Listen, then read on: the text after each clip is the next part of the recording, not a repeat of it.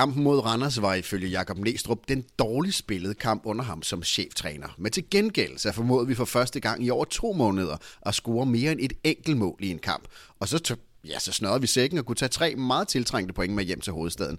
Kasper Larsen, det var vel egentlig klassisk FCK det her med at tage til Jylland uden at spille prangende, men alligevel få en øh, komfortabel sejr med hjem? Ja, det lignede til forveksling øh, noget, vi havde set for, for år tilbage. Øhm, det var jo en, en, øh, en, en, kan man sige, en lidt kedelig øh, første halvleg, og så, øh, så fik vi nogle, nogle ting justeret, og så var det sådan en, en øh, bumlesejr, uden det nogensinde blev prangende. Men øh, den slags kan vi sådan set godt leve med, øh, når vi nu laver måleovergive med hele to mål scoret. Du lytter til Kvartibolt, en podcast om hele byens hold for alle, der elsker FCK. Værter er Kasper Havgård og Kasper Larsen. Velkommen til Kvartibold, den podcast for alle os, der elsker byens hold. I den her udsendelse tager vi de analytiske briller på og dissekerer kampen mod Randers, for at blive klogere på spillet, spillerne og mulighederne for fremtidig succes. Dagens tema det er den nye model i FCK-strategien med stjerner og talenter, og så skal vi også et tilbage, kigge tilbage i historien, hvor vi kigger på nogle af de bedste straffebakskytter, der har været i FCK gennem tiden. Den her podcast den er bragt i samarbejde med 3, som giver os mulighed for at bringe en masse lækkert FCK-indhold til alle jer derude. Er I flere i din husstand, så overvej at samle alle familiens abonnementer med 3 Family. Jo flere af jer, jo billigere bliver det nemlig. Og så får alle mand oven i købet 3 Like Home og 5G med i købet. Til at analysere den her kamp i dag, der har vi Kasper Larsen og Kasper Martens. Kasper Martens øh, arbejder som ungdomstræner i KB. Velkommen til dig, Kasper. Mange tak. Skal vi lige øh, prøve at høre jer og starte med, med, hvad var egentlig tre ting, som vi lærte af den her kamp?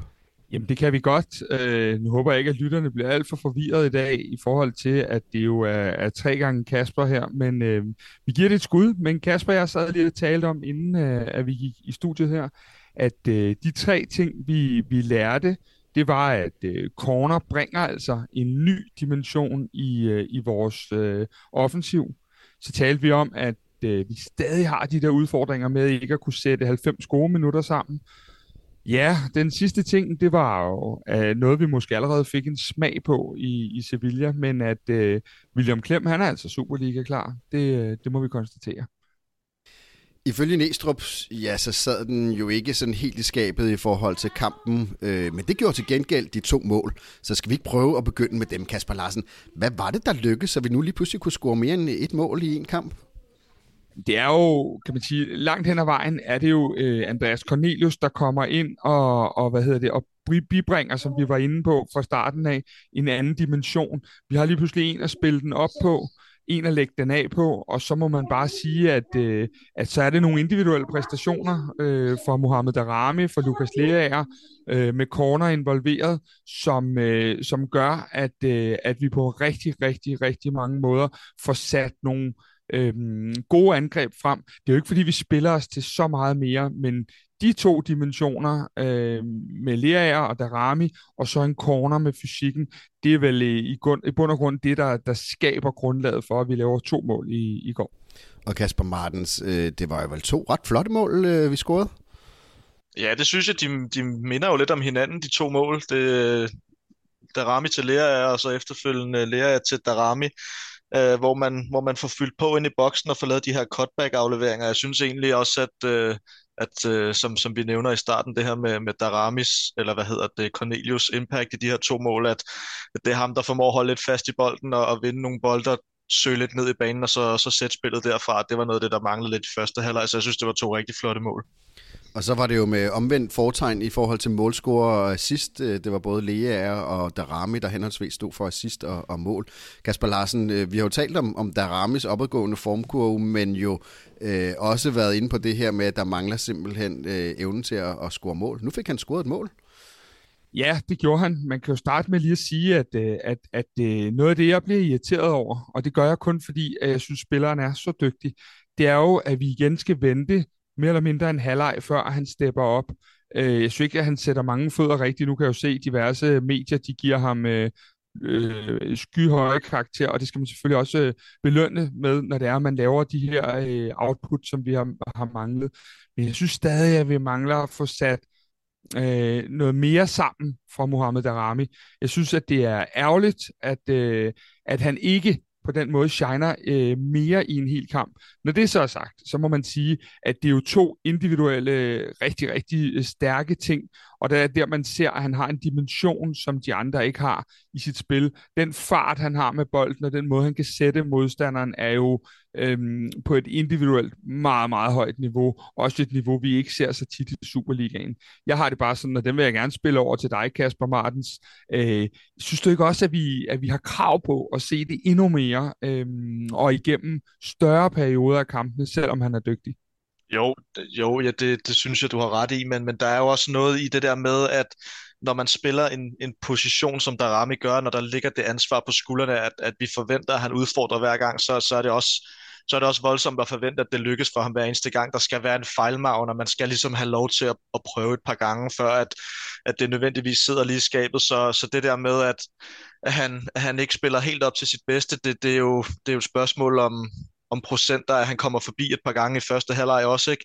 Så, så jeg, jeg, jeg kan godt forstå, hvad du mener, men jeg, jeg synes også, det er vigtigt at huske på, at når, når spillere, fans og trænere og hvad der ellers er, forventer, at han, han gør en forskel, så er der jo også, så er der også muligheden for, at det går galt, når man, når man, når man ligesom, ja, når man, når man tager de der udfordringer. Det, det er jo ligesom der, at, at, øh, at der kan være et problem.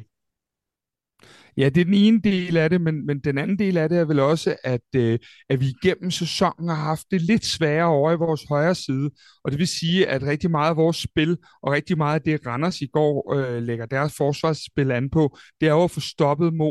Der er hele tiden dobbelt øh, opdækning ude ved ham. Der er hele tiden øh, opbak, dobbelt opbakning til deres bak derude, så han har, har svære vilkår. Og det er jo noget af det, vi får løst i anden halvleg, da Cornelius kommer ind, fordi at der er lige pludselig en dimension, de skal forholde sig til der også. Og jeg vil sige det sådan, at hvis vi i vintervinduet kan få lagt noget på i vores højre side, og at Cornelius holder sig skadesfri, så tror jeg også, vi vil se en udgave af, af Mohamed Darami, der er langt stærkere, øh, og det, det, det er egentlig... Øh, ja, det er egentlig relativt logisk, øh, fordi at han har været så indimensionel i vores øh, X-faktor-spil, kan man kalde det.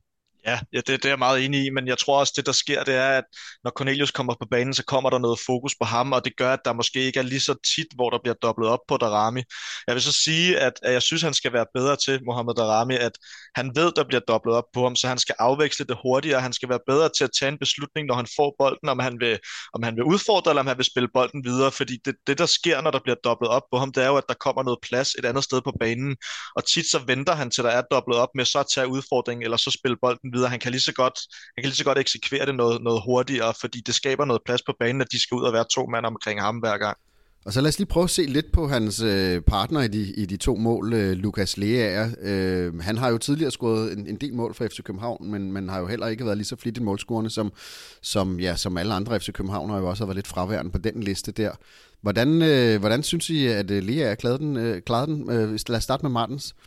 Jeg synes, øh, jeg synes i det hele taget, vores, øh, vores midtbane havde det svært i første halvleg, men jeg vil sige, i anden halvleg, der de der løb, Lea og Klaassen, de tager i feltet. Øh, nu, nu, nu bliver det en, en analyse på begge to, men, men jeg, synes, jeg synes, de er dygtige. De er rigtig, rigtig dygtige til at komme med i feltet, når det bliver farligt, og jeg synes, jeg synes vi må tage hatten af for, for Lukas Lea. Han, øh, han har virkelig taget, taget skeen i den anden hold og taget noget ansvar og, og steppet op. Han, han, ham og Havkon, de, de, og Klaassen, de løber og løber og løber. De tager virkelig meget ansvar. De, jeg synes, de finder rigtig mange gode positioner, og de er gode til at, at gøre de andre bedre, så jeg synes, at, jeg synes, at Lukas Lea, han er blevet, blevet bedre og bedre og bedre i den her sæson.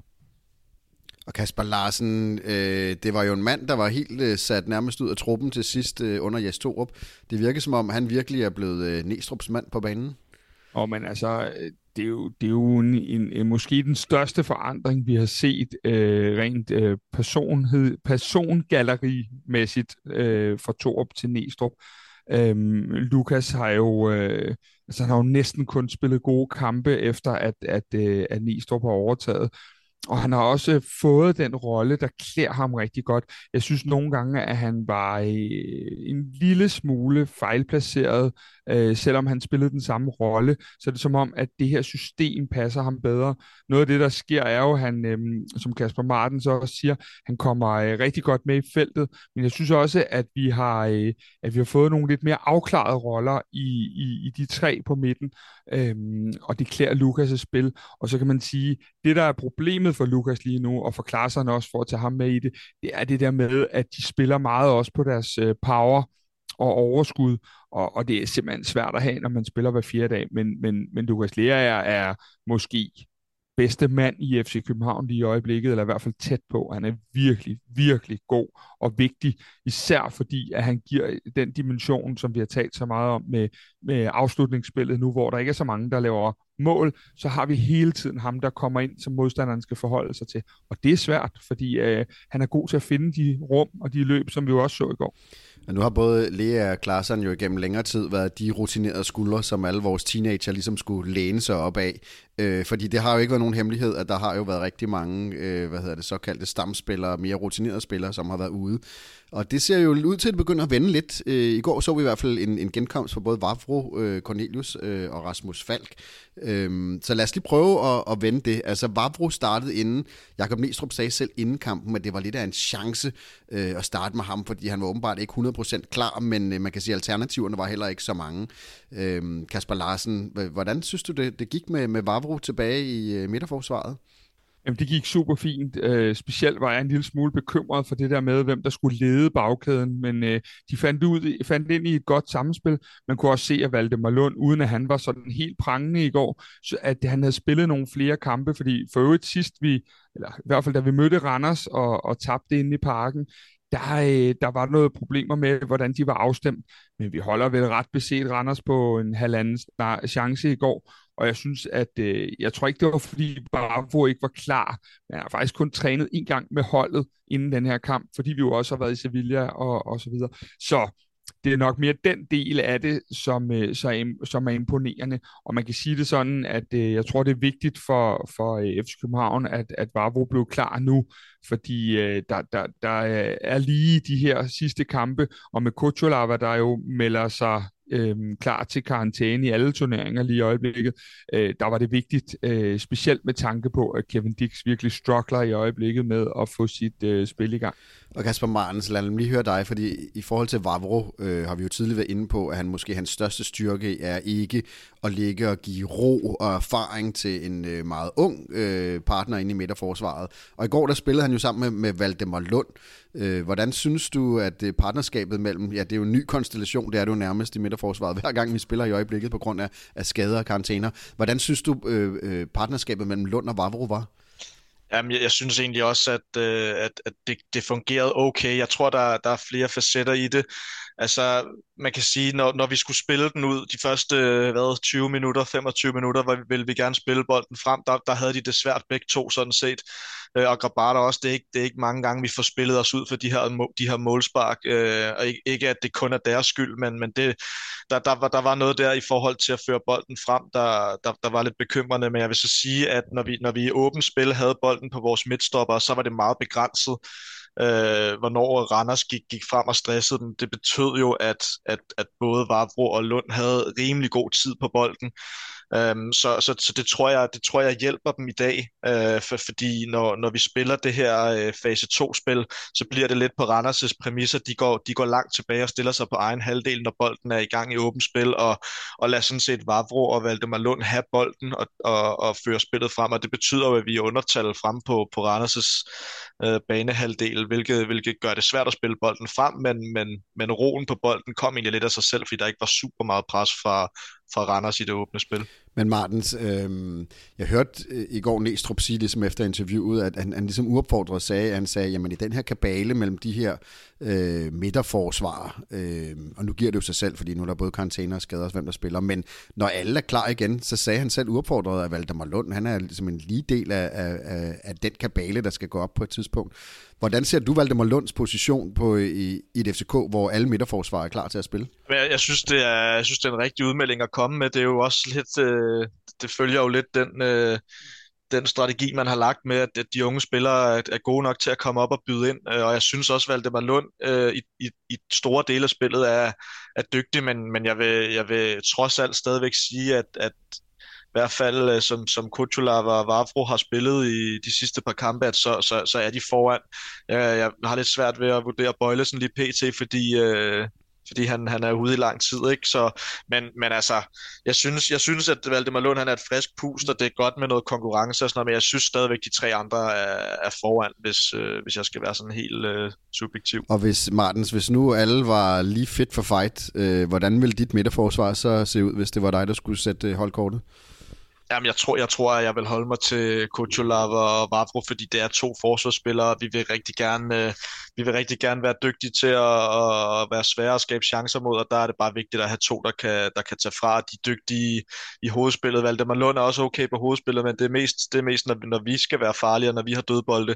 Jeg synes, Kuchulava og Vavro, de er, de, de er mere mere sikre øh, ned i feltet end Valdemar Lund er. Han er nogle gange kan han godt virke, virke en lille smule nonchalant i hans, øh, i hans dueller. Og så skal vi til en anden spiller, som øh, jo har rutine og erfaring, og skal være en af dem, som øh, formentlig bærer det her FC København-hold. En øh, fyr, en københavner, der er kommet tilbage igen her til sommer, men som jo desværre ikke har set meget til. Andreas Cornelius var tilbage, om ikke andet kun for en enkelt halvleg. Kasper Larsen. Øh, vi har jo talt om i, i mange podcast op til her, at når man spiller med Andreas Cornelius, så kommer FC København også til at spille på en anden måde. Øh, hvordan synes du, det FC Københavns spil så ud i går, efter Andreas Cornelius kom ind? Jamen, det, det klædte os lidt, men jeg synes også, at det var en rigtig Andreas Cornelius-kamp i går. Øhm, det blev jo sådan en, en, en lidt tung bane mod et, øh, et, et hold, hvor at, øh, at det gav mening for os at spille den op på Cornelius, og så øh, få de åbninger, det gav. Så, så, så lige i går synes jeg, det, at det virkede fornuftigt, og det var også fint, at han først kommer ind i anden halvleg, da, da, da de så øh, begynder at, at være lidt trættere. Øhm, det, som jeg tror bliver Jakob Næstrup's største hovedpine, øh, eller i hvert fald øh, ting, han skal kigge på i, i vintervinduet, øh, det bliver jo det, eller ikke i vinduet, men i, i opstartsfasen her til vinter, det bliver den måde, vi skal spille på. Det er den måde, hvorpå vi skal variere vores angrebsspil øh, hvordan at Cornelius øh, skal bruges bedst muligt, for Cornelius kommer ikke til at søge ned i banen og, og efterlade de der mellemrumspillere, og derfor så skal vi, øh, så skal vi have, have lagt en plan. Det er noget af det, jeg i hvert fald helt klart gerne vil snakke med Jakob Næstrup om næste gang, jeg har ham på, på tieren. Øhm, for jeg synes stadig også i går, at, øh, at, at det lader noget tilbage og ønske den måde, vi skal spille på. Og det bliver, som jeg også var inde på tidligere, lidt mere på individuelle ting i går, end det bliver på, og det er helt naturligt, fordi de har ikke kunne træne, men end at det bliver på, på opsatte angreb. For jeg er helt med på den dimension med, at han, øh, at han er til at spille op på, og han øh, flækker videre, og de ting, og der bliver noget plads. Men, øh, men de løb, der kommer omkring ham, dem skal vi godt nok have indarbejdet, sådan så at øh, de kommer til at sidde meget bedre i skabet. Kasper Martens, nu har vi jo faktisk spillet stort set uden angriber i, ja, jeg ved ikke hvor lang tid. Øh, nu fik vi jo en rigtig angriber på banen i, i anden halvleg. Hvad, hvad synes du, det gør ved FC Københavns spil, at, øh, at vi har en, en, en klassisk øh, takkemand deroppe på, på toppen? Jeg synes, jeg synes, det klæder FCK først og fremmest, men jeg, jeg vil så også sige, at jeg, jeg synes, at at det kræver, det kræver at vi, vi er mere dominerende i kampen, at vi spiller med Andreas Cornelius, fordi eksempelvis mod Randers i første halvleg, så er der ikke plads til at slå den op på Cornelius, som kan flække videre, fordi Randers står så dybt i banen. Så, så det, det kræver, at, at der er plads til at spille fodbold på den måde, men, men der er ikke nogen tvivl om, at det, det klæder det klæder FCK at have en angriber, og det, og det, det klæder selvfølgelig FCK at have Andreas Cornelius helt i front.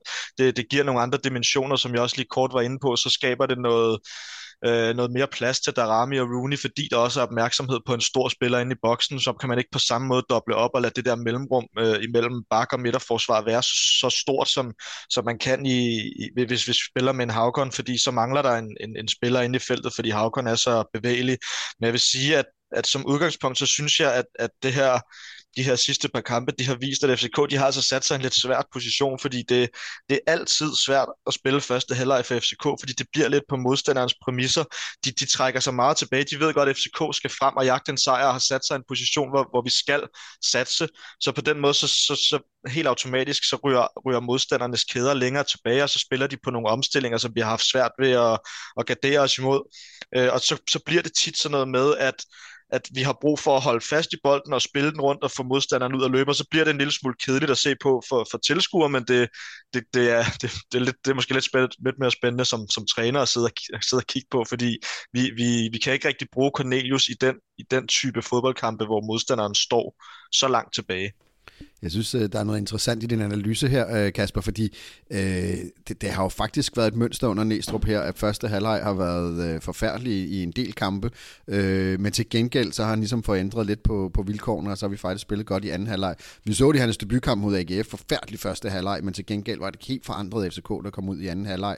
Øh, også på store træk i, i kampen mod Brøndby, der startede vi i hvert fald rigtig, rigtig dårligt og, og spillede meget bedre i anden halvleg. Og Kasper Larsen, vel det samme her mod Randers også, ikke? Det var jo ikke en, en, en første halvleg, man skriver hjem om, øh, men anden halvleg blev virket, fungerede jo faktisk rigtig godt. Udover at, at de ting, Kasper han siger, er fuldstændig rigtige, øh, så er det jo en del af analysen lige præcis det her med, at, at øh, modstanderen har en øh, modstanderen har også en aktie i det her. Og vi, øh, vi kommer ud til de her kampe, øh, som, som vi nu gør med det forsæt, at vi skal have de her tre point.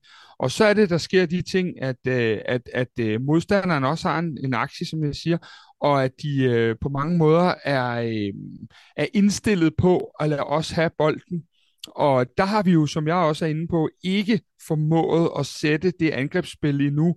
Øh, og vi har heller ikke lige typerne altid på banen til det. Øh, og der skal kampen ligesom åbne sig først.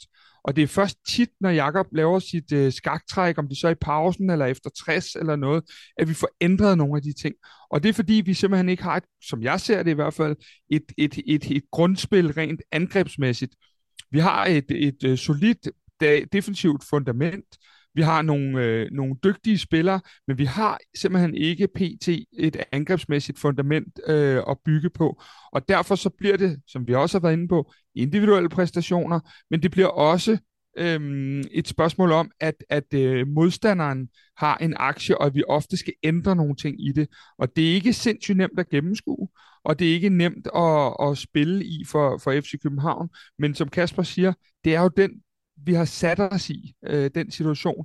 Og derfor så øh, tror jeg godt, at Næstrup er klar over, at de her kampe vinder vi på kvalitet og hårdt arbejde. Og så handler det igen om det der med, at vi spiller kampe hver tredje dag, og det vil sige, alle de løb, der skal være rundt om boldholder, jamen, øh, dem magter vi simpelthen ikke altid i øjeblikket.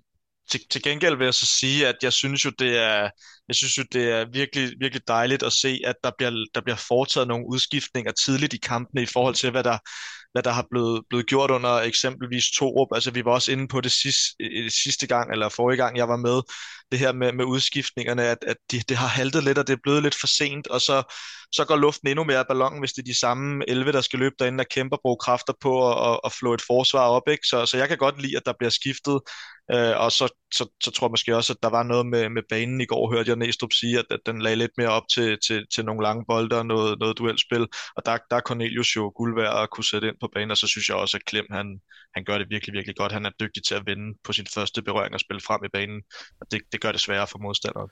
Vi kommer lige tilbage til William Klem her lidt senere øh, i udsendelsen. Vi skal lige øh, vende den sidste øh, af de rutinerede, der var tilbage igen, rutinerede kræfter tilbage. Øh, Rasmus Fald kom jo også ind. Øh, hvordan, Kasper Larsen, vil du vurdere hans øh, indsats? Og men han kommer ind på den måde, han skal komme ind resten af efteråret. Vi har jo talt med Rasmus ude på tieren, og, og det bliver ikke til mere end det, det gør nu. Men det, han skaber, når han kommer ind, det er jo ro. Og det er jo det, vi har brug for øh, på det tidspunkt, han kommer ind i. Øh, ro, ro, ro. Og det er jo det, han gør. Han skaber det på bolden, han får dirigeret med medspillerne, og han får ligesom taget brøden af det pres, vi kunne være kommet ind i til sidst. Og det udebliver jo faktisk for Randers øh, langt hen ad vejen, det pres. Og der kan man bare sige, at øh, der udfylder han den rolle. Og jeg tror, det er den rolle, vi skal se. Og der er jo en dimension mere, og det er det der med, at vi har ikke været gode til at få hvilet vores stamspillere i indlysende årsager. Og hvis Falk kan begynde øh, med den kvalitet, vi ved, han har, og give 30 15-30 minutter max i kampene, så vi kan hvile en klar sådan en lærer eller hvem det måtte være, jamen øh, så, så, så begynder vi måske også lige at give de spillere bare den lille portion overskud, de har manglet, hvis det er muligt, og hvis det for eksempel var muligt, at Falk kunne spille en hel halvleg mod øh, for eksempel Tisted, så vil det jo være øh, verdensklasse, fordi vi har brug for de her point i Superligaen de sidste to kampe. Og Kasper Klem, det skal vi tilbage til det, du talte om før, fordi øh, netop i fraværet af Rasmus Falk, af fraværet af en øh, Carla Seca, så har der jo været plads til nogle øh, unge folk på midtbanen, og øh, Stammenich har jo ligesom øh, udfyldt rollen øh, til at starte med. Og øh, sidenhen har vi jo set øh, i går en øh, halvleg til Stammenich og en halvleg til William Klem, som jo som på flotteste vis kom jo ind og, og markerede sig i øh, Champions League-kampen mod Sevilla den midtbaneduel, i hvert fald lige nu, mellem de to meget unge talenter, øh, hvordan ser du øh, den, Kasper Martens? Øh, jeg synes, det, det, det er to dygtige spillere øh, på, på hver sin måde, men, men altså, jeg, jeg er imponeret over, William Klem, han kan, han kan gå ind og være så rolig på bolden og være så, så dygtig. Altså, jeg på en eller anden på en eller anden måde har han måske i virkeligheden i, i min bog over, overhældet Stamenic i, i tabellen i den her kamp. Jeg er ikke sikker på, at det kommer til at ske, at han, at han, at han starter inden foran Stamenic, for jeg synes også, øh, synes også Stamenic er dygtig, og han har alligevel lige lidt mere erfaring på banen, men jeg synes, det er imponerende, at, at uh, han, han går ind og tager spillet til sig på den måde, på så vigtig en position på banen. Jeg synes godt nok, at øh, synes godt nok, han er god, William Klem. Kasper Larsen, hvad er det, hvad er det forskellen, man får mellem de, de to øh, midtbanespillere, hvis vi skal prøve ligesom at, at, at tegne det op? Jamen, inden jeg lige svarer på den, det skal jeg nok gøre, så synes jeg, øh, nu har jeg læst, øh, når Klem så kommer ind og gør det så outstanding, som han gør to gange i træk, så sker der jo ofte den der modreaktion, man kan læse sig til på nettet, at så er Stamenic ikke god. Og jeg synes, at Stamenic har lavet nogle gode kampe, men jeg tror, der er ved at ske det med Stamenic, som jo også skete for William Boeing sidste øh, hvad hedder det, efterår. Det der med, at de spiller mere, end hvad de egentlig burde. Og når du spiller mere end hvad du burde, så begynder du ikke at spille med den friskhed og overskud, som vi for eksempel så stammen i et spil mod hjemmekamp mod Sevilla. Øhm, så begynder du at få nogle udfordringer, øh, så kommer du ikke lige så hårdt ind i duellerne, det har vi også set de sidste par gange, og sådan vil der være masser af ting. Så på den led øh, kan du sige, at øh, Stamenic er ved at løbe, øh, batterierne er ved at løbe en lille smule tørre lige i øjeblikket, og det skal vi altså lige huske i den bedømmelse, vi laver af ham. Men så tilbage til dit spørgsmål, Kasper. Øh, William Klem er jo en, en noget anden type. Jeg synes, William Klem spiller hurtigere, øh, end Stamenic gør. Jeg synes faktisk også, at han på mange måder dækker et, et større område. Og så, så ved jeg ikke, om jeg bare er partisk i en eller anden form her, men jeg synes også, at det, øh, at det er en dimension, at, at det, han virker simpelthen bedre skolet øh, i forhold til den der sekserrolle. Og der kan man sige, at, øh, at, at spørgsmålet er, om, om Stamenic, når, når alle er klar, bliver kørt op i en reserverolle på, på 8-rollen. Fordi jeg synes egentlig, at, øh, at den klædte ham meget godt i starten af hans nuværende FCK-tid. Øh, jeg må i hvert fald bare sige, at William Klem ligner en, der har spillet sekser øh, ufattelig mange gange, og som Oliver fra vores øh, Kvartibold-team også sagde, øh, der er altså nogle ligheder med Busquets, bortset fra at William Klem er ekstremt sympatisk. Men hvis, du nu, øh, hvis det nu var dig, der var træner, Kasper, øh, hvem vil du så stille med de to? Jamen, jeg vil, øh, jeg vil helt klart øh, veksle de her kampe.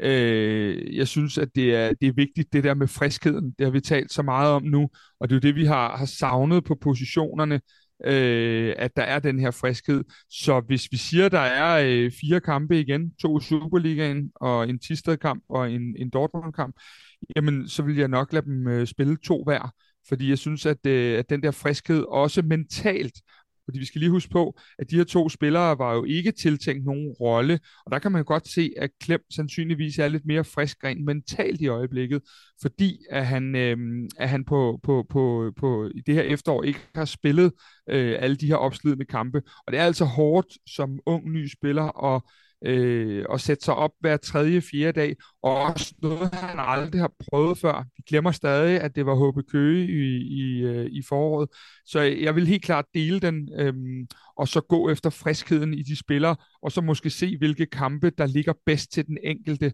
Øh, for eksempel en, en Lyngby-kamp hjemme, vil jeg i hvert fald virkelig gerne stille med, øh, med William Klem, fordi jeg synes, at de kompetencer, han har, de er rigtig gode. Til gengæld synes jeg, at Stamenic øh, spillede en fantastisk kamp mod Sevilla hjemme, og der vil jeg måske så igen overveje mod Dortmund, om, om det var ham, der skulle spille. Men igen, det er op til trænerteamet at se, men jeg vil helt klart sørge for at have den, der var mest frisk i hoved og ben. Og så skal vi ellers til at runde analysen øh, mod Randers af. Er der, Kasper, Kasper, er der nogle pointer, som, øh, som vi lige skal have med på falderæbet her? Ja, det er der, øh, fordi at, øh, nu gav du mig ikke lov til at udfordre den lidt med Valdemar Lund, øh, som Kasper Martin sagde. Øh, der, der er nogle ting her. Der er en kontraktsituation. at hvis vi ikke bruger den her spiller, så er han øh, færdig i FC København, fordi at øh, kontrakten løber ikke så lang tid endnu. Øh, så det skal vi overveje, om vi har lyst til. Øh, jeg synes, at øh, hvis, hvis du spørger mig, så synes jeg, at vi er så godt rustet, hvis vi har øh, to venstrebenede stopper, to højrebenede stopper, vi har to dørmænd, og så har vi to, øh, hvor den ene har en flødefod, og den anden har en dygtig øh, diagonalfod med sit venstre ben, og også ret god på bolden. Så jeg synes, det er de perfekte fire, og så, øh, så tror jeg, man skal til igen. Jeg tror, jeg har sagt det rigtig mange gange, men jeg vil gerne gentage det. Skal man lade være med igen at begynde med for meget med det der med, om folk er første, anden, og tredje og fjerde valg. Jeg tror, hvis I kigger på det her efterår, så er der godt nok mange positioner, hvor vi troede et eller andet. Jeg troede Kevin Dix, eller det ved jeg ikke, om jeg troede, men mange troede i hvert fald, at Kevin Dix ville blive første valg hele efteråret. Måske også Ankersen ville få flere kampe. Men det har ikke været sådan. Øhm, mange troede også, at Christian Sørensen ville spille mere. Det har heller ikke været sådan. Midterforsvaret har været dem, der har været klar. Øh, og sådan har der været rigtig mange positioner, hvor lige pludselig så er der noget, der udvikler sig. Så jeg tror virkelig, det er vigtigt, at man siger, at vi skal have fire gode midtstopper, og hvis den ene så, undskyld Bøjle, er gammel, og øh, Valdemar Lund er ung, venstrebenet begge to, og så har du to i, i den her lidt mere, øh, øh, hvad hedder det, hvor øh, Vavro stadig er halvung, og, og øh, Kuchulava er lidt ældre, som er dørmænd, så tror jeg simpelthen, du har den bedste kombination for et midterforsvar i dansk fodbold, du kan ønske dig. Kasper Martens, øh, brænder du ind med nogle øh, pointer for, for analysen af kampen mod Randers her, som vi lige skal have med på faldrebet? Øh, altså først og fremmest så er jeg helt enig med, med Kasper. Jeg synes også, at den kombination i bagkæden, den er, den er rigtig, rigtig god. Øh, det, det, det er jeg fuldstændig enig i. Og så noget, noget af det, jeg blev mærke i det, der også var forskellen fra første og anden halvleg, det, det var især, især presspillet øh, for FCK, fordi i første halvleg, så bliver der simpelthen for langt mellem angriberne og resten af holdet. Vi, vi, presser, med, vi presser med de fire forreste spillere, ikke? Altså, det, der, der Rami, øh, Havkon, Rooney og så, og så Klaseren, der går med op, og så er der simpelthen for langt ned til forsvarskæden, så Randers ligger bare en lang bold op, øh, og så står vi faktisk fire mod fire i bagkæden, fordi midtbaneledet bliver fanget sådan lidt på mellemhånd. Så jeg synes, de der afstande, som, som Næstrup har været ude og snakke om, de var alt, alt, alt for lange i første halvleg. Der så det meget bedre ud i anden halvleg. Det var i hvert fald en, en, en lille ekstra ting, som også gjorde, at anden halvleg blev meget, meget nemmere for FCK øh, at, at gå højt øh, i presset. Dermed runder vi analysen af kampen mod Randers af, der gav tre rigtig dejlige point. Og hvad de point kan bruges til fremadrettet, det kommer vi tilbage til lidt senere i udsendelsen, hvor vi prøver at kigge lidt på perspektivet for FC København og den her sæson. Er det hele bare løbet fra os, eller, eller hvor ligger vi henne i øh, duellen? Og øhm, så skal vi også lidt senere snakke om Rundens Tema, som er den nye model med den nye strategi, hvor vi øh, skal have talenter og stjerner, øh, og den kommer vi til at tale lidt om. Men inden da, så skal vi lige en tur tilbage i tiden. For lige, lige øjeblikket, så har FC København det sindssygt svært med straffespark. Vi har ikke rigtig nogen, der kan sparke den ind. Vi har brændt nogle, øh, nogle fatale straffespark, der kunne have givet os meget, meget værdifulde point. Så vi øh, har tilladt at spørge alle, der lytter med i den her uge, om øh, hvem er de største FCK-straffesparkskytter gennem tiden. Øh, og det har vi gjort på vores sociale kanaler. Og vanen tro er der selvfølgelig kommet ekstremt mange gode bud, øh, så vi kan svært ikke nå at have dem alle sammen med, men øh, jeg kigger lige ind her i, i på vores Facebook-side, øh, hvor der er kommet en, en, en del svar. Og øh, der har vi Sanne Skov Nielsen, der skriver, det kan simpelthen ikke være andet end Robert Skov. Selv navnet kan man ikke komme udenom. Der refererer hun jo nok til sit eget efternavn Skov. Når vi altid går den vej med at hente gamle spillere, så kunne han godt være et godt bud, og inden han blev 28. Øh, Martin Brylle skriver her, det var tider, da vi havde tre øh, stærke strafsparkskytter, Pieters, Fischer og Skov. Historisk set er det højere, vind er den sikreste i nyere tid. Og øh, så skriver vi her, Frank Henrik Andersen skriver, Lars Højer Nielsen, øh, der er en Mette C. Helsinghoff, der, der skriver helt klart Jonas Vind, hvilket jeg synes er enormt savnet ved løverne. Og ellers, hvis man bare lige kigger ned over her, så er det meget en Robert Skov, en øh, Jonas Vind, en Lars Højer, som, øh, som går igen. Øh, Grønkær er der, jeg skriver Mikkel Holm Hansen her, mister 100 procent. Og øh, så tager vi lige den sidste her øh, fra Nikolaj Tim Schmidt. Den, jeg har været mest tryg ved, det er Robert Skov. Det hang nok sammen med hans absurde frisparksteknik og generelle afslutningsniveau. Jamen, øh, lad os lige prøve at tage den videre til panelet. Der er jo øh, der er rigtig mange bud her øh, fra vores mange læsere. Hvem har det været de, Kasper Larsen, lad os starte med dig. Hvem har været de største strafsparkskytter igennem tiden? Altså først så øh, bliver jeg nødt til en, en sjælden korrektion her på, øh, på en lytter, men, men øh, jeg, jeg vil helst ikke have Fischer med ind i den her kategori. Han har sparket to spark og, øh, og brændt begge to, så, øh, så, så øh, øh, det er, det, det, den går nok ikke helt.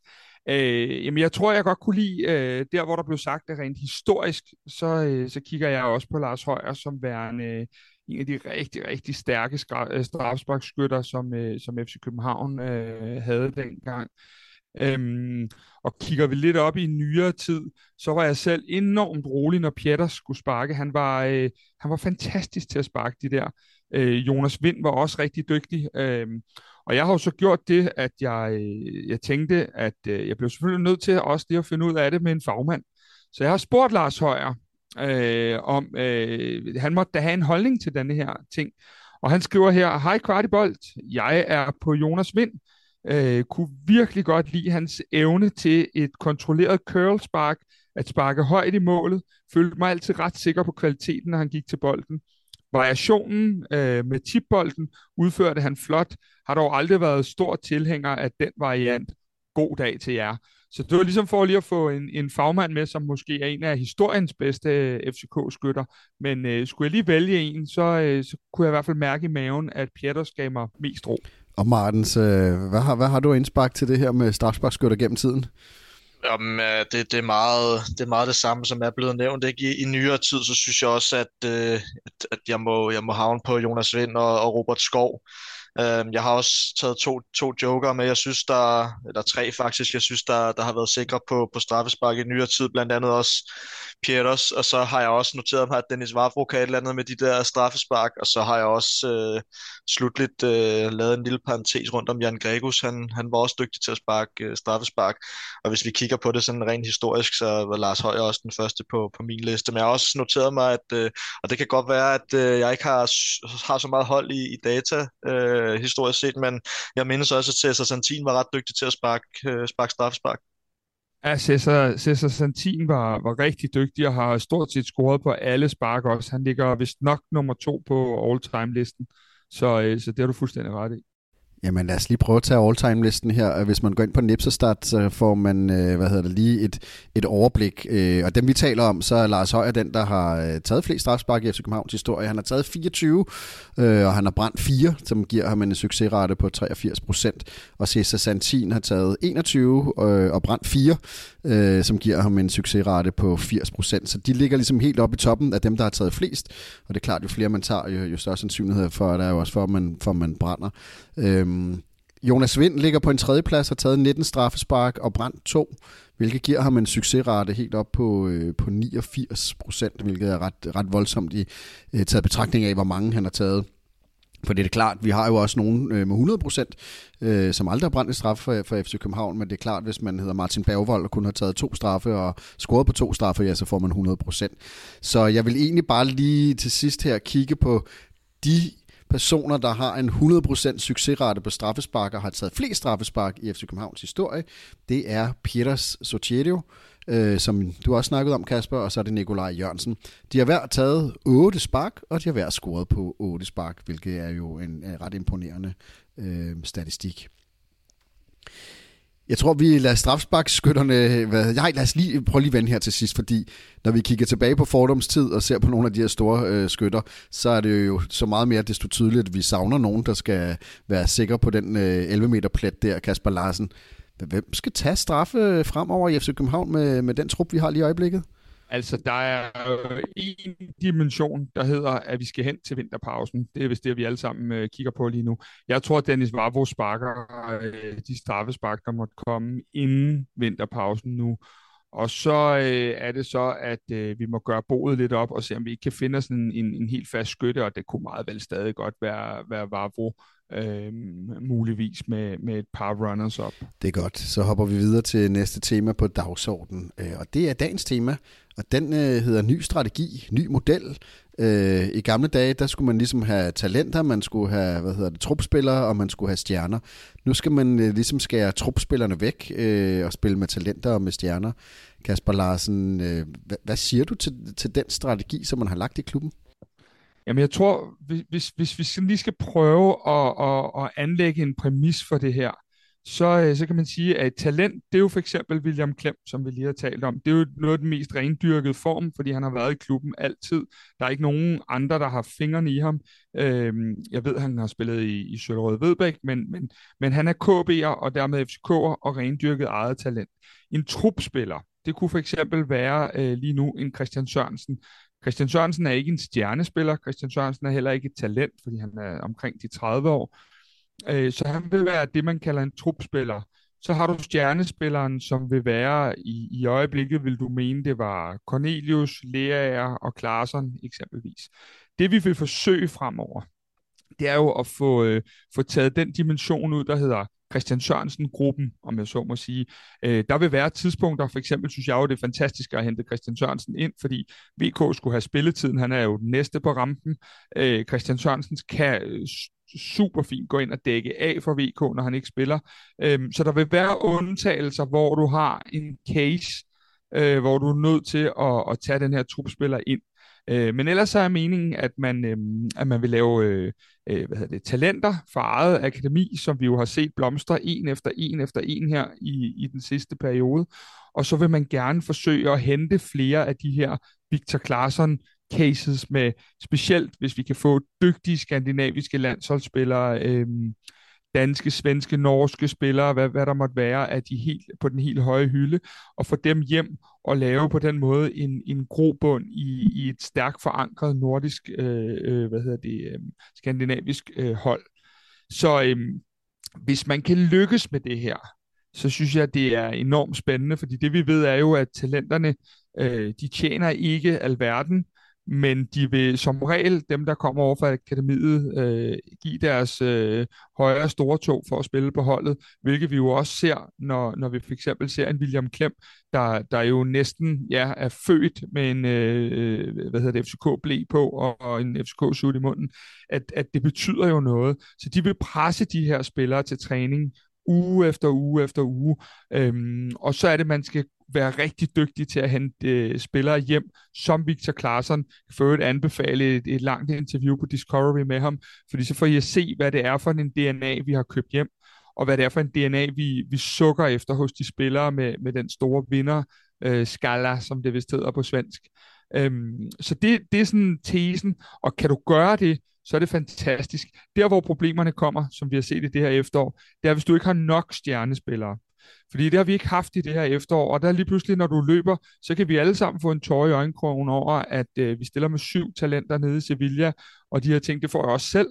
Men når der er for få af stjernespillerne til at bære talenterne, jamen så kommer talenterne nogle gange til ikke at se, se dygtige nok ud. Så det er så vigtigt, at vi har den der kerne, og måske også det der med, at vi har så tilpas mange stjernespillere, at Øh, lad os tage et fiktivt eksempel, at vi havde haft Delaney i det her efterår, jamen, så havde vi kunne hvile Lukas en gang imellem. Øh, havde vi haft fald klar, så havde vi kunne hvile klasserne en gang imellem. Det er nogle af de ting, der bliver vigtige, så vi ikke øh, brænder de her spillere ud.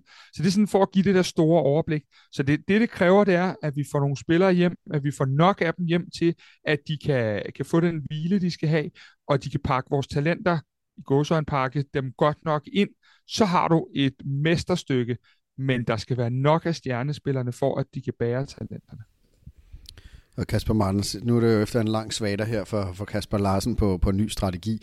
Hvordan ser du med din trænerfaglighed, øh, hvordan ser du så på de udmeldinger, der er kontra det, klubben rent faktisk gør i øjeblikket? Først og fremmest så vil jeg, vil jeg gerne lige udfordre det der, Kasper siger en lille smule, fordi jeg synes faktisk, synes faktisk vi har rigtig, rigtig mange stjernespillere.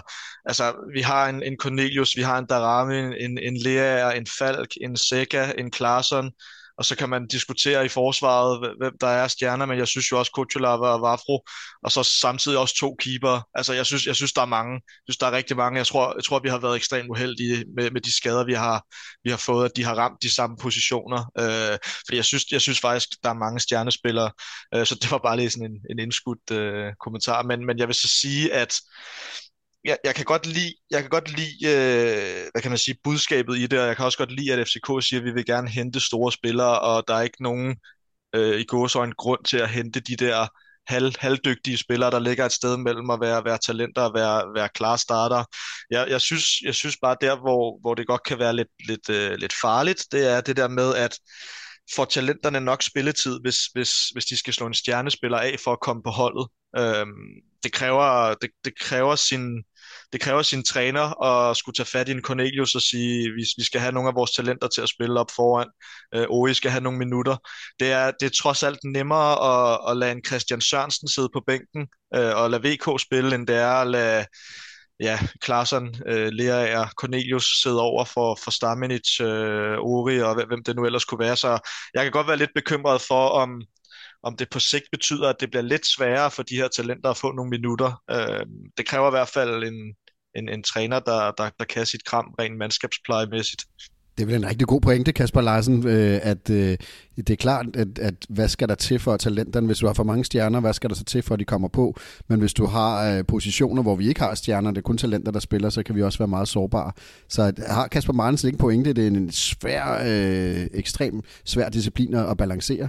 Jo, det har han, men, men jeg synes bare, at øh, to kommentarer til det. Det ene det er, så ofte vi ser, øh, at tingene øh, på, på mange måder går op med de her mange kampe.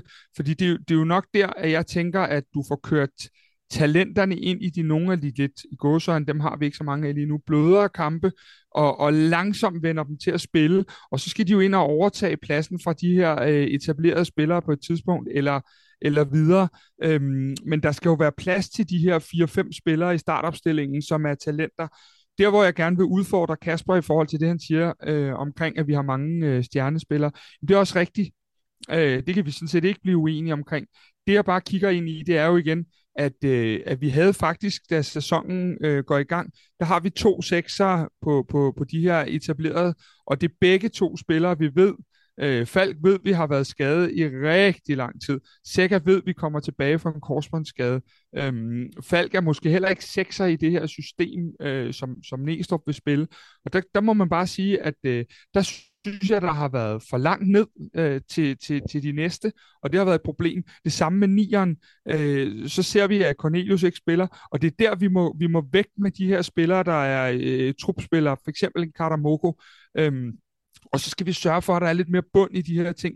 Fordi vi, vi ved jo også, hvilke spillere, der ofte øh, trækker med en lille skade, og hvilke spillere, der måske også har lavet noget af den her plus 30 alder, hvor vi godt ved, at de der skader kan komme lidt hurtigere.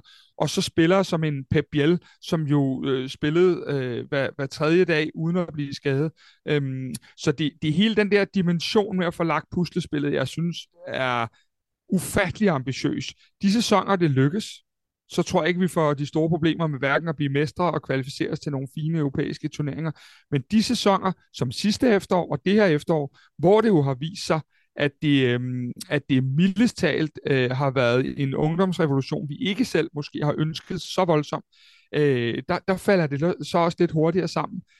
Så, øh, så vi skal i den grad kigge på, om vi, øh, om vi kan det, og så skal vi jo selvfølgelig... Øh, kigge ind i det der med, at vi er nødt til at få mere styr på skaderne, fordi jeg synes jo faktisk, at vi ser to næsten identiske efterår sidste år og, og det her år. Hvad siger du til, til det svar, Kasper Martens? Jamen, jeg er jo enig, og jeg synes jo egentlig, at det, det, det ryger ned i begge vores pointer, fordi min pointe var også lidt, at hvis det er den her model, du, du vil gå med, så kan du ikke have to stjernespillere på sekseren over et talent. Du kan ikke have fire stjernespillere som otter og to talenter. Du kan ikke have to stjernespillere i angrebet over et talent, fordi så, så, så, så kommer du til at have for mange spillere. Så min, min pointe var egentlig, at at jeg tror, at dybden i holdet, den, den, den, godt kan, den godt kan smutte en gang imellem. Hvis der så opstår en skade, jamen, så har du måske kun et talent, der kan tage over. Så der synes jeg jo, det er meget rart, at man, man har den her spiller, der trods alt har noget erfaring, eksempelvis en Christian Sørensen. Vi kunne sagtens kigge ind i, at, at lige præcis på bakpositionerne, øh, der, der, der, kunne man måske, der kunne man måske godt savne en stjernespiller på begge, på begge sider, ikke? Og, det, og det var lidt det, der var min pointe, at, at hvis, du, hvis du kører med den her model, så, så skal du godt nok øh, være sikker på, de spillere, du har, der så er stjernespillere, at de, at de kan stå distancen, og at de ikke der ikke er en 4-5 stykker af dem, der er udsat for, for mange skader, som måske er tilfældet lige nu. Det, det var sådan set bare det, jeg... jeg ja. men, men Kasper, hvis du for eksempel, lad os prøve at tage en case, så lad os tage en højre bak. Der har vi det, vi, vi, vi øh, i hvert fald indkøbte en stjerne højre bak i Kevin Dix, øhm, som skulle ind og spille, som startede med at lave mange mål, som også var meget dygtig for AGF og havde et CV fra CA og, og, og europæisk fodbold. Øhm, og der ser man jo simpelthen bare lige nu, og igennem et godt stykke tid, at der er kommet den der dygtigere unge spiller, så der vel knappest er nogen, der sidder ude i FCK-land og, og, og overvejer, at det lige nu faktisk er stjernespilleren, der sidder på, på bænken, og, og, og det unge talent, der har overhalet. Og hvis du kigger over på den anden bak, så kan vi godt blive enige om, at Christian Sørensen nok er købt som en trupspiller. Men det er jo igen også det unge valg, der har, der har taget pladsen øhm, derfra i stedet for. Øhm, så så, så det, det vil vel bare være sådan, at hvis de unge er dygtige nok, så kommer de ind og spiller Øhm, og det tror jeg, vi vil se i flere og flere tilfælde, fordi det er jo ikke tilfældigt, at, at, at Jelert spiller, det er jo ikke tilfældigt, at VK spiller.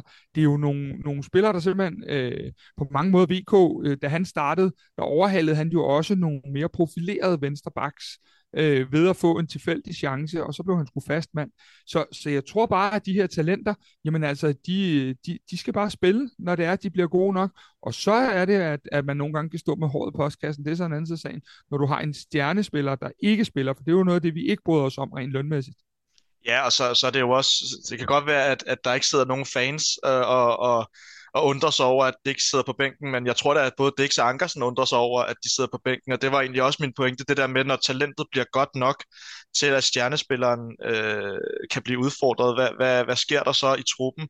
Og der, der, er, det, der er det vigtigt, at, at træneren i hvert fald er, er knivskarp, og så i VK's tilfælde, der har han jo også efterhånden spillet så mange sæsoner, så er der måske et spørgsmål, om han i virkeligheden er et talent mere, ikke? Men, men jeg, jeg er fuldstændig enig, jeg, jeg, jeg tror bare, det er, det er sværere, og du kan jo også se, der har jo også været nogle, nogle kommunikative problemer, og noget med Peter Ankersen, der var lidt utilfreds med at sidde på bænken, og det, det vil der komme, når der er stjernespillere, der ryger på bænken. Øhm, så, så ja, men, men jeg er enig med dig i, at de skal selvfølgelig spille, hvis de er gode nok. Jeg tror bare, det er, det er en svær kabale at få til at lykkes, hvis du kun har de to former for spillere. Jamen, det, det er fuldstændig rigtigt, men, men vi, kan jo, vi kan jo sige det sådan, at øh, spørgsmålet, det, det åbne spørgsmål, det her er jo, om det ikke egentlig er, som det skal være, forstået på den måde, at de unge øh, gutter, som jo stadig går, det kan man godt grine lidt af, og bære øh, kejler og veste ind, når vi ser dem træne ude på tieren, om, om vi ikke er ved at være derhen af, at, øh, at det også bare er dem, der skal udfordre hierarkiet. Og så er jeg med på, at der kan være nogle ting, øh, hvis man som træner ikke har styr på det der hierarki. Men, men det er vel det, de unge er sat i søen til, at gå ind og udfordre og sige, ved du hvad, jeg vil skide på, om du har spillet 75 landskampe, jeg skal ind og spille i stedet for dig. Det er jo fuldstændig sådan, Elias har gjort det, og man kan sige, det er jo, som jeg i hvert fald hører det og ser det, egentlig også det, de lidt bliver opdraget til. Jeg tror da heller ikke, William Klem har tænkt sig at sidde på bænken, øh, øh, hvis, hvis han kan, kan komme ind. Så, men det er en det er knivsæk med hierarki, med lønkroner og, og med trup sammensætning. Det er der ingen tvivl om, og man skal virkelig være dygtig for at få det til at, at spille. Der er i hvert fald ingen tvivl om, at øh, vi har masser af talenter. Øh, det, der selvfølgelig bliver rigtig spændende i det kommende transfervindue, det er, hvordan, hvordan kan vi se den her strategi udspille sig i den måde, man sælger på, og den måde, man køber på. Og, og, og det kommer vi jo helt sikkert tilbage til, øh, når jo mere vi, vi, øh, vi, vi kommer tættere på, på det kommende transfervindue. Så øh, lad os runde den her af og sige øh, stjerner og vandbærer. Øh, hvad hedder det? Det er det ikke, men stjerner og talenter, og så ud med, med vandbærerne. Her til allersidst i udsendelsen skal vi lige prøve lige at vende. Øh, tre ekstremt tiltrængte point til FC København gør, at vi faktisk kommer op i top 6. Der har vi ikke ligget i lang tid. Det er en øh, meget tæt Superliga, en lidt øh, freak, øh, freak år i Superligaen, fordi alle slår hinanden, bortset fra at øh, FC Nordsjælland er stukket af og er 10 point øh, foran øh, FC København. Kasper Larsen, perspektivet for, for de her tre point. Nu har vi jo nærmest afmeldt FCK, eller du har afmeldt FCK sådan helt op i, i, i gulddysten. Det gjorde du i hvert fald i sidste, efter sidste Superliga-runde. Hvordan ser det ud nu med, med tre tiltrængende point og en plads til, i top 6 til FC København? Top 6 synes jeg ser øh, ganske fornuftigt ud. Det har jeg egentlig ikke de store problemer med. Øh, jeg vil gerne fortsat melde os ude af gulddysten øh, noget tid endnu. Øh, men når det så er på plads, så bliver jeg også nødt til at sige, at øh, næste spillerunde er ekstremt spændende. Øh, og det er det jo fordi, at vi møder Lyngby hjemme. Øh, ingen kampe er lette, det har vi set det her efterår, og vi kunne snilt selv have, have været bagud til Lyngby ude på Lyngby Stadion, inden vi, øh, vi hvad hedder det, øh, fik skruet op og, og lavet tre mål. Men øh, Lyngby og FC København tørner sammen i parken. Det skal give tre FC Københavnske point. Og så er der den dimension, at, øh, at Midtjylland og Nordsjælland mødes i næste runde. Og det er jo interessant, fordi øh, det betyder jo enten, ja, det ene eller det andet, eller at begge hold mister point. Og det er jo noget af det, vi har brug for Øhm, meget sjældent, at jeg sidder og siger, at Midtjylland gerne må snuppe et point, men det, det må de faktisk gerne her. For vi, jeg, jeg tror, vi skal lidt tættere på inden vinterpausen, øhm, hvis vi skal begynde at kigge derop. Så indtil videre fastholder jeg top 6 er, er jeg ret overbevist om, øhm, og en sejr gør jo lige pludselig underværker. Top 1, den øh, vil jeg gerne have lov at sparke til hjørne endnu en uge. Ja, Kasper Martens, øh, top 6 øh, er vi allerede i, øh, men kampen om guldet er FC København stadig med, i, set for, ud fra dit perspektiv? Ja, de er stadig med, men jeg synes også, som Kasper siger, der, der er lidt lang vej. Øh, der, der, er, der er to vigtige kampe nu her. Øh, hvad er det, Lønby og AGF, tror jeg og det, det, skal være, det skal være 6 point, øh, fordi ellers så, øh, så, så er der bare endnu længere vej, og så, så bliver det spændende, som Kasper siger, at se med, med Midtjylland og med Nordsjælland og, og, og egentlig også med, med Brøndby, hvordan det kommer til at gå de sidste par runder her.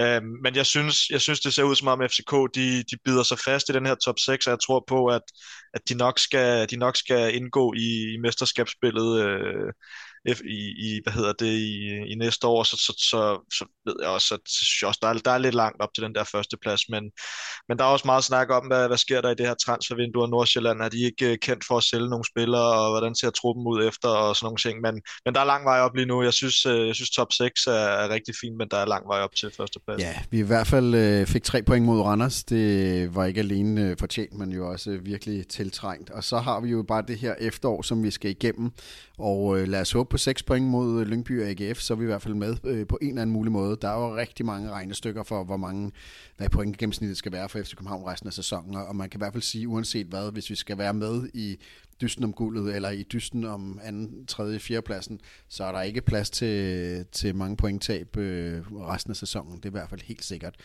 Og øh, Kasper Larsen, lad os lige runde af, fordi vi skal jo spille det, der i princippet er blevet en fuldstændig ligegyldig kamp mod Dortmund Champions League næste uge. Vi er ude. Der er ikke noget at spille om for FC København. Men alligevel, så er der vel et eller andet at spille for, fordi nul mål øh, i en øh, Champions League-pulje øh, her, det, det, det kunne vel være rart at få, få fjernet den. Der er flere ting at spille om der er de nul mål, du selv er inde på. Øh, den, den plet skal simpelthen viskes af. Øh, jeg tror for også, at vi vil se en Cornelius starte øh, øh, hvad hedder det, Dortmund-kampen og, og, og komme ind og, og få en rolle der en, en times tid. Øhm, den, den, skal vi have, den skal vi have slettet. Der er altså 20 millioner for en sejr det er jo, øh, nu sidder vi og joker med transfervinduer og sådan nogle ting, det er jo en, en, en ret øh, stærk signing, eller i hvert fald tæt på. Øhm, og så er der den sidste ting, og det er jo, at, øh, at, at de her koefficientpoint, de begynder altså at se øh, ret svære ud. Øhm, så så øh, vi er i den grad også nødt til at, at, at tage det ansvar med for, for Danmark og for vores egne koefficient og slutte ordentligt af. Øh, I og med Dortmund heller ikke har noget at spille for, øh, så, så skal det være vores tilskuer, vores gejst for at ville Champions League endnu mere, end, end de vil. De får flere kampe efter jul der gør det. Øh, og jeg tror slet ikke, det er umuligt, at vi kan lave et resultat mod Dortmund øh, på, øh, på, øh, på onsdag i parken.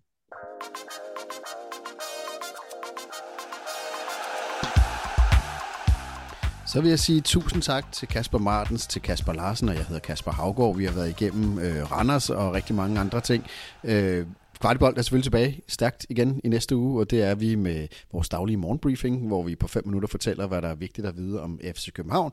Og så har vi selvfølgelig også vores sædvanlige udsendelser med optakter og nedtakter af øh, både Champions League og øh, Superliga i næste uge. Tusind tak øh, for i dag.